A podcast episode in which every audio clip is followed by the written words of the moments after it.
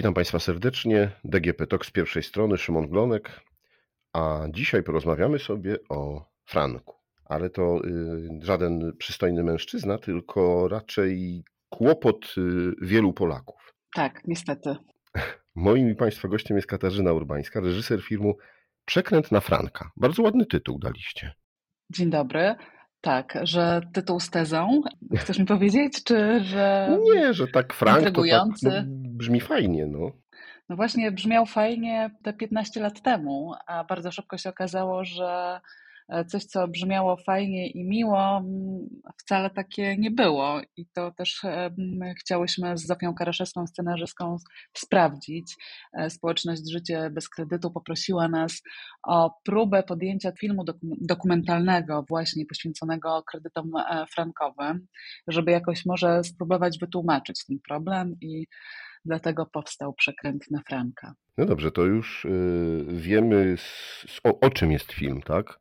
i wiemy, i wiemy skąd są te inspiracje. Kiedy film powstawał? Film e, powstawał, film zaczęłyśmy tworzyć w połowie ubiegłego roku. Znaczy, cała e, e, samej realizacji to było od połowy ubiegłego roku, bo przygotowania do filmu trwały dużo, dużo dłużej, no bo tak naprawdę zaczęły się, żeby nie skłamać, to koniec 2020 roku rozpoczęliśmy pierwsze rozmowy o filmie. Sytuacja Frankowiczów w międzyczasie trochę uległa zmianie, no bo coraz więcej osób y, wygrywa. Można powiedzieć, że chyba wszystkie, a przynajmniej nie słyszy się o tym, żeby jakieś pozwy, jeśli już y, ktoś się decyduje na złożenie pozwu, no to, to żeby wygrał bank. Raczej wygrywają Frankowicze. Mhm. Wiesz co, powiedziałeś coś e, bardzo ważnego, myślę też z perspektywy wszystkich Frankowiczów, e, bo powiedziałeś, że sytuacja Frankowiczów dzisiaj się zmieniła. Zmieniła się faktycznie dlatego, że coraz więcej Frankowiczów odważnie decyduje się, też mając już dużo większą wiedzę, e, pójść do sądu i walczyć o swoje, ale co ciekawe, ta sytuacja prawnie dla Frankowiczów była dokładnie taka sama te 15 lat temu, jaka jest dzisiaj, ponieważ przepisy i prawo nie zmieniło się dla Frankowiczów w ciągu tych 15 lat, że nagle oni zauważyli jakieś zmiany w prawie, które postanowili wykorzystać, po prostu skorzystali z tego wszystkiego, co było dostępne wcześniej, tylko po prostu Frankowicze nie mieli tej świadomości. Czyli zmieniła się świadomość? Zmieniła się świadomość, tak, absolutnie.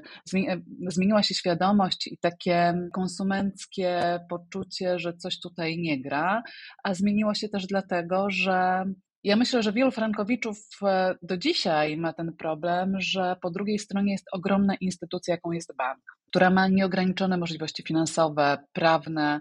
Instytucja, y, kiedyś się mówiło zaufania publicznego. No właśnie, to też jest temat, który gdzieś wybrzmiał bardzo mocno w filmie, że e, wszyscy frankowicze idąc do banku szli do instytucji zaufania publicznego.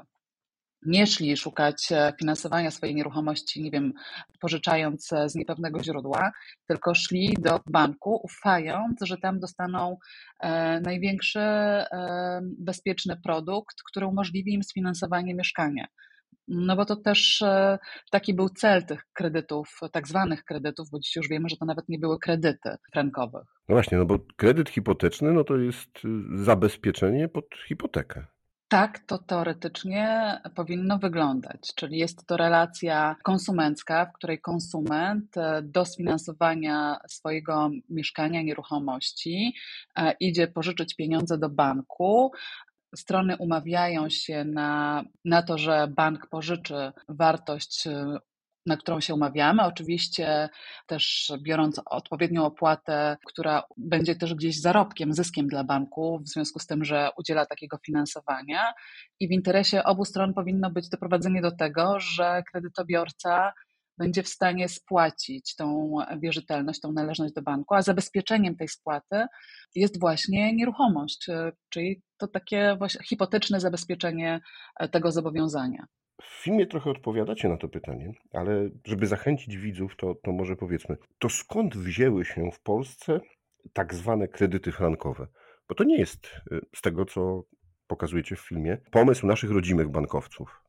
Tak, tak. No to jest bardzo dobre pytanie i to też jest coś, e, co nie wybrzmiało. Też nie wiem dlaczego, e, tak naprawdę poza naszym filmem i poza książką, która też nas inspirowała, że tak naprawdę kredyty frankowe, tak zwane kredyty denominowane, indeksowane do waluty obcej. To nie jest wymysł rynku polskiego, cudowne odkrycie tutaj, tylko to jest produkt, który w latach 80. znany był na rynku australijskim i właściwie stamtąd e, przypłynął do Europy, mówiąc kolokwialnie. Tam ten produkt bardzo szybko okazało się, że jest nieuczciwy, nielegalny, a okazało się to ze sprawą afery Westpac Letters, gdzie bank, wymieniając się korespondencją z kancelarią prawną, która obsługiwała e, bank, umawiali się, jak mają unikać odpowiedzialności za udzielenie tego toksycznego produktu. I ta korespondencja, w której strony ewidentnie pokazywały, no, że oszukują klientów, wypłynęła do e, mediów, zrobiła się z tego ogromna afera. Tam ten produkt bardzo szybko został e, usunięty z rynku. Bank poniósł gigantyczne konsekwencje. Do dzisiaj mierzy się zresztą z konsekwencjami wizerunkowymi tejże afery. Skoro tam się nie udało, takie rozwiązania, gdzie jest bardzo szybki zarobek dla ogromnej instytucji finansowej, szuka miejsca, gdzie może znowu się zadomowić. No i ten produkt trafił do Europy. Lata 90. w Europie no to, to jest taki dynamiczny rozwój w krajach Unii Europejskiej. E, ten produkt trafił do Włoch e, i tam też bardzo szybko ten produkt został uznany za toksyczny. E, do Włoch i do Francji też. Te produkty tam bardzo szybko zostały uznane za nieuczciwe. I co więcej, tam e, osoby odpowiedzialne za wprowadzenie tych toksycznych produktów, tak naprawdę obciążających konsekwencjami finansowymi jedną stronę umowy, nie dość, że zostały szybko usunięte z rynku, to jeszcze te osoby, które wprowadziły ten produkt, poniosły odpowiedzialność karną. Czyli to nie jest tylko tak, że e, banki e, musiały się mierzyć z tym problemem i się zastanawiać, tak jak my się tutaj zastanawiamy w Polsce dzisiaj, kto poniesie konsekwencje tych nieuczciwych umów. Tam po prostu konsekwencje ponieśli tak zwani bankersi, jak ich nazwał e, dr Artur Bartoszewicz ze Zgiechu. Więc e, no, ten produkt szuka sobie zawsze takiego rynku, na którym będzie łatwo się zadomowić. No a że w Polsce te lata 2000 5-8 to był taki moment, gdzie koniunktura na rynku nieruchomości, jak dobrze pamiętamy, była ogromna. Mieszkania znikały na pniu, ceny tych nieruchomości też e, bardzo szybko rosło. No, podaż rodzi no, popyt. Ludzie kupowali dziury w ziemi de facto. Tak, ludzie kupowali dziury w, ziemi i na te dziury w ziemi brali ogromne zobowiązania finansowe. Więc e, banki e, bardzo entuzjastycznie zobaczyły, że tutaj jest taka ogromna potrzeba finansowania tych nieruchomości, że postanowiły skorzystać z dobrze znanego przez siebie rozwiązania w postaci kredytów denominowanych i indeksowanych do waluty obcej. No tak, ale nie wszystkie banki też o tym w filmie mówicie się na to zdecydowały, no bo właśnie banki z kapitałem włoskim stwierdziły, że nie podejmą tego ryzyka. Dokładnie tak. Były banki w Polsce, które świadomie odradzały konsumentom tych mm, rozwiązań, e, więc były banki, które były właśnie częścią kapitału włoskiego i znając doskonale konsekwencje, jakie mogą spaść na nie po udzieleniu tak toksycznego zobowiązania, nie decydowały się na to rozwiązanie, bo w konsekwencji musiały zapłacić tam. E, więc były banki, które nie udzielały. Też nie udzielał jeden bank z kapitałem polskim, ponieważ uznał, że skoro mieszkamy w Polsce, zarabiamy w złotówkach, to z jakiej racji nagle mamy płacić zobowiązanie w walucie, której na oczy nie widzimy i w niej nie zarabiamy. Dziś to się wydaje oczywiste, no bo dziś nie można uzyskać kredytu w walucie obcej, e, chyba że się w niej zarabia. Także no, to były ciekawe czasy. To w takim razie, czy banki próbowały jakoś wpływać? No bo też e, odzywałyście się do, e, do banków, do różnych instytucji przy tworzeniu tego filmu, żeby dostać jakiś komentarz, jakieś wyjaśnienie i czy, czy banki w jakikolwiek sposób zareagowały, albo czy próbowały no, delikatnie wpływać, żeby jednak, nie wiem, nie ukazał się taki materiał. No dla nich to jest chyba niewygodne. No to jest bardzo niewygodny temat dla banków. Nie miałam tej świadomości, przystępując do realizacji, że będzie aż tak ciężko. I mówię to z takim przekąsem i lekkim uśmiechem, dlatego że ja mam doświadczenie dziennikarskie dosyć duże i przez wiele lat byłam e, wydawcą e, jednego z popularnych programów interwencyjnych i śledczych. Więc no po prostu ja wiedziałam, jak się zabrać za swoją pracę dziennikarską i że muszę sprawdzić e, informacje w dwóch źródłach i bardzo starałam się uzyskać komentarz ze strony banków. Bardzo starałyśmy się e, z Zofią Karaszyską uzyskać ten komentarz. E, wysłałyśmy kilkadziesiąt maili z zaproszeniami, z pytaniami. Odbyłyśmy kilkadziesiąt rozmów telefonicznych i z bankami, i z rzecznikami prasowymi instytucji. I naprawdę, ku mojemu zdziwieniu, no, wszyscy odmawiali komentarza. Nawet bank, który nie udzielał e, wówczas kredytów frankowych i też bardzo chcieliśmy mieć komentarz, dlaczego tego nie zrobili, e, żeby trochę też odnieśli się do tej sytuacji. Oni również powiedzieli, no, że oni nie udzielali, faktycznie nie mają w swoim portfelu tych kredytów e, tak zwanych frankowych. Znają problem, wiedzą o nim, ale w związku z tym, że są częścią dużej grupy na rynku, to że muszą stać w ramię w ramię z bankami i nie udzielą nam tego komentarza. Widząc taki opór i próbując ze wszystkich sił e, dochować należytej staranności, uzyskać komentarz, stwierdziłyśmy, że po prostu pokażemy, że no, wykonałyśmy naszą pracę. Szanse wypowiedzenia się miały wszystkie strony zainteresowane problemem. Tymczasem odbijałyśmy się od drzwi, od skrzynek mailowych, od aparatów telefonicznych i nikt naprawdę nie chciał zająć stanowiska. Do dzisiaj jest tak, że nie spotkałam jeszcze się z sytuacją poza salą sądową, w której reprezentant banku staje naprzeciwko Frankowicza i próbuje mu wytłumaczyć, co się wydarzyło i jakie są argumenty banku. No, to jest niesamowite, że tak naprawdę jedyny moment, w którym Dwa momenty są, w którym spotykają się te dwie strony konfliktu. Pierwszy moment to był moment, w którym podpisywana była umowa na tak zwany kredyt frankowy. Wtedy bank z przyjemnością spotkał się z przyszłym Frankowiczem. A drugi moment, no to sala sądowa, w której Frankowicz mówi: Halo, no, no coś nie gra w tych naszych umowach. A były jakieś takie za, zakulisowe, może nieoficjalne próby dotarcia do Was, dowiedzenia się, co będzie w filmie, albo przekonywania, żeby nie robić go, czy, czy nie? To, co mnie zaskoczyło, to była bardziej próba obśmiania nas e, i tego, że no, aha, robią Panie materiał.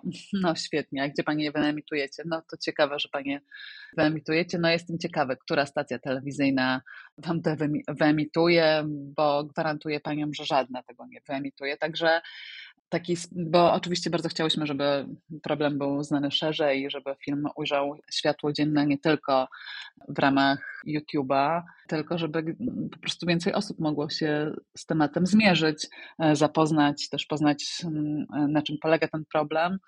No bardziej właśnie nas obśmiewano, deprecjonowano i pomysł na sam film i e, ideę, więc bardziej to był ten kierunek.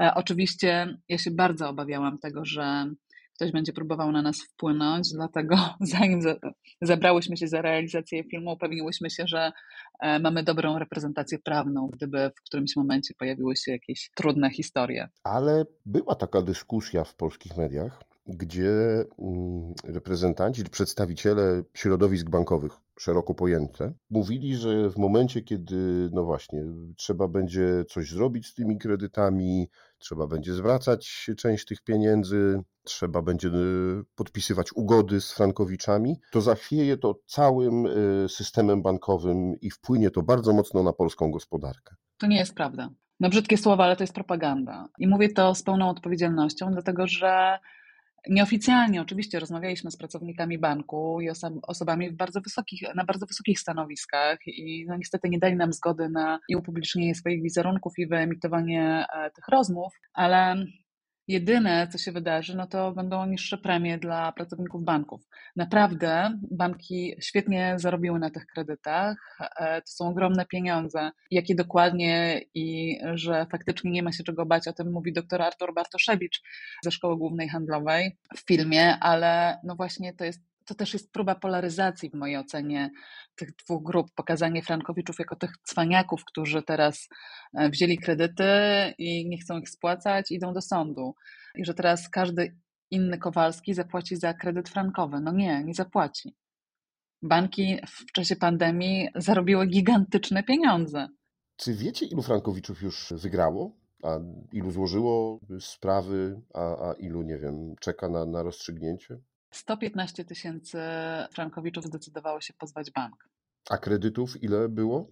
Kredytów udzielonych, denominowanych i indeksowanych do franka szwajcarskiego było 800 tysięcy. Czyli tylko jedna ósma, tak?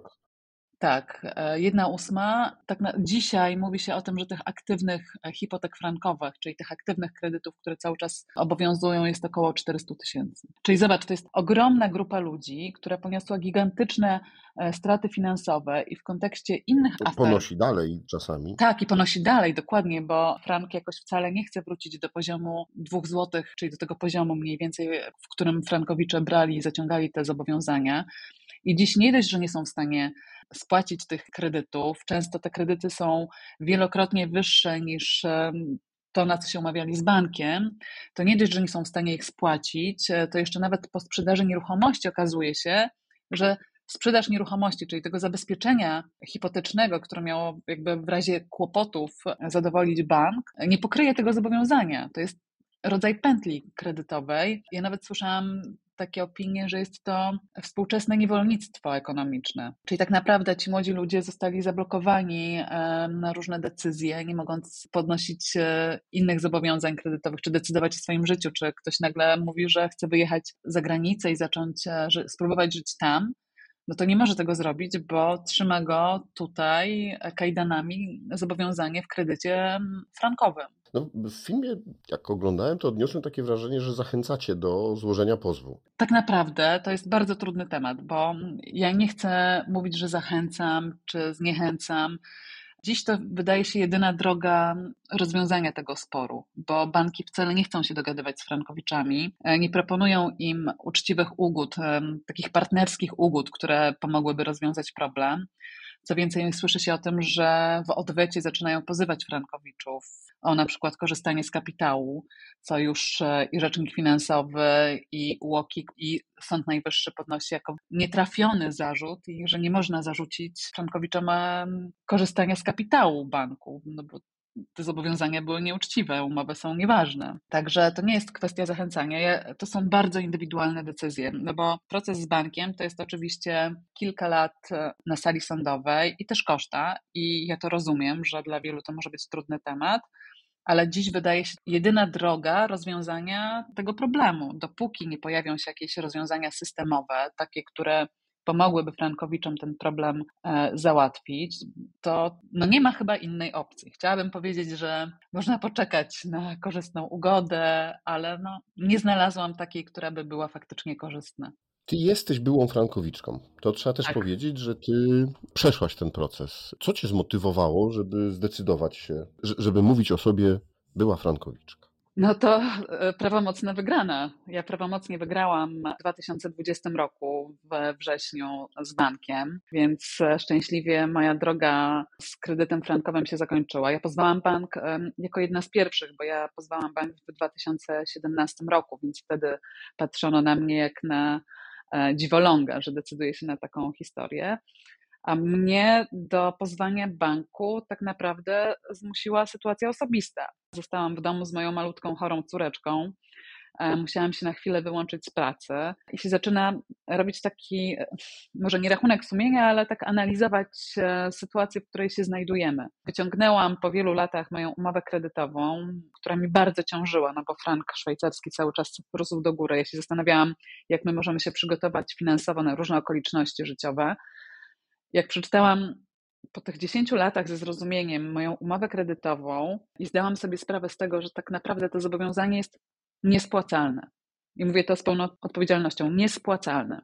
Bo ja zarabiając cały czas, ja będę miała tylko wyższą ratę i tylko wyższy kredyt. Czyli ja tak naprawdę zaciągając kredyt, nie wiedziałam na jaką, wydawało mi się, że wiem na jaką kwotę, a się okazywało, że nie. I że po 10 e, latach spłaty kredytu nawet go nie zaczęłam spłacać.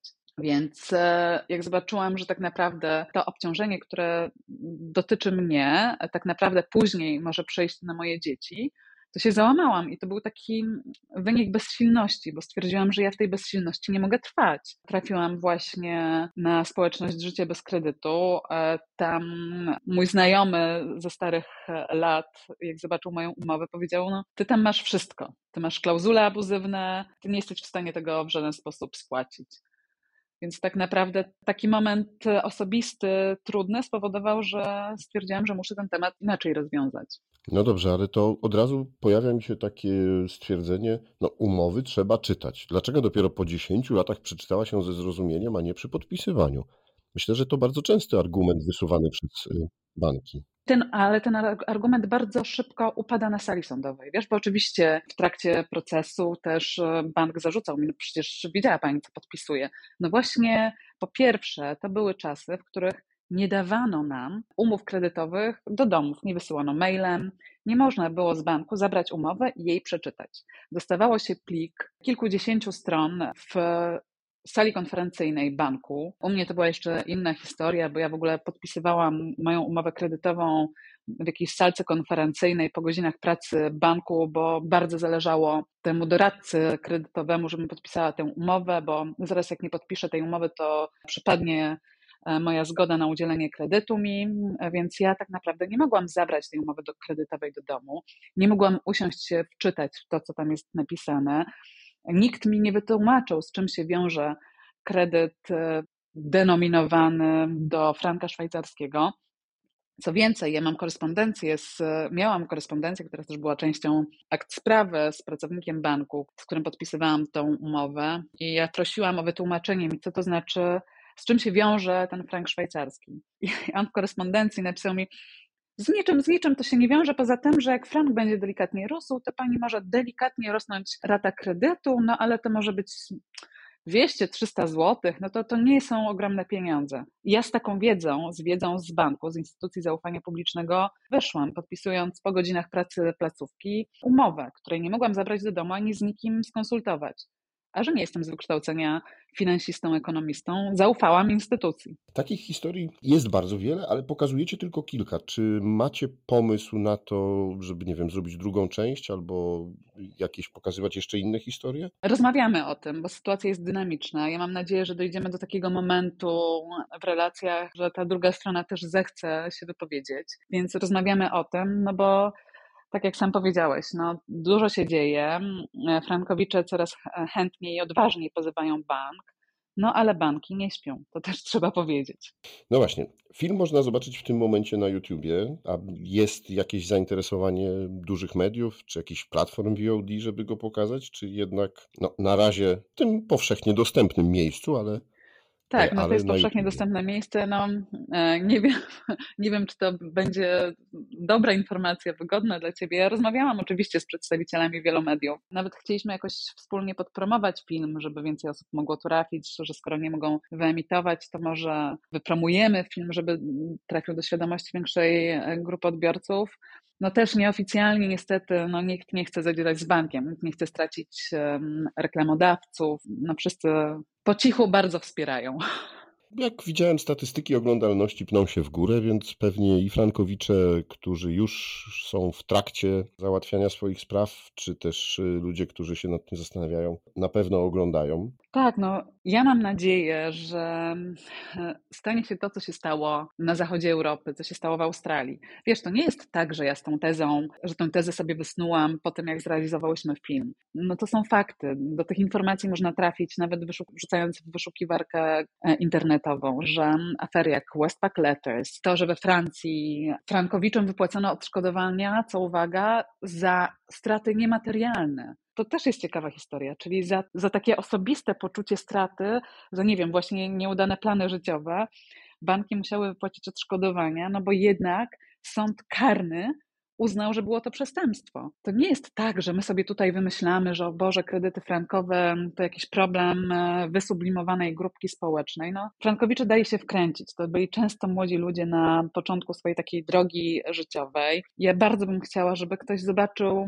od tej strony ten problem, że tak naprawdę Temat frankowy pojawia się często w kampaniach wyborczych, wtedy politycy się interesują tym tematem, ale no to chyba nie tak powinno wyglądać, że teraz każdy samodzielnie musi iść do sądu i walczyć o swoje. Fajnie by było, gdybyśmy mieli zaufanie do instytucji, jaką e, są banki. Fajnie by było, żeby te instytucje też miały takie poczucie odpowiedzialności, że okej, okay, zawaliliśmy wtedy, ale przyznajemy się i zróbmy coś, żeby się oczyścić nawzajem. Dziękuję Ci bardzo za rozmowę. Mam nadzieję, że temat będzie przez e, wielu naszych słuchaczy też e, zauważony. Ja dziękuję. Moim i Państwa gościem była Katarzyna Urbańska, reżyser filmu Przekrętna Franka. Podcast zrealizowała Dorota Żurkowska, a rozmawiał Szymon Glonek. Do usłyszenia.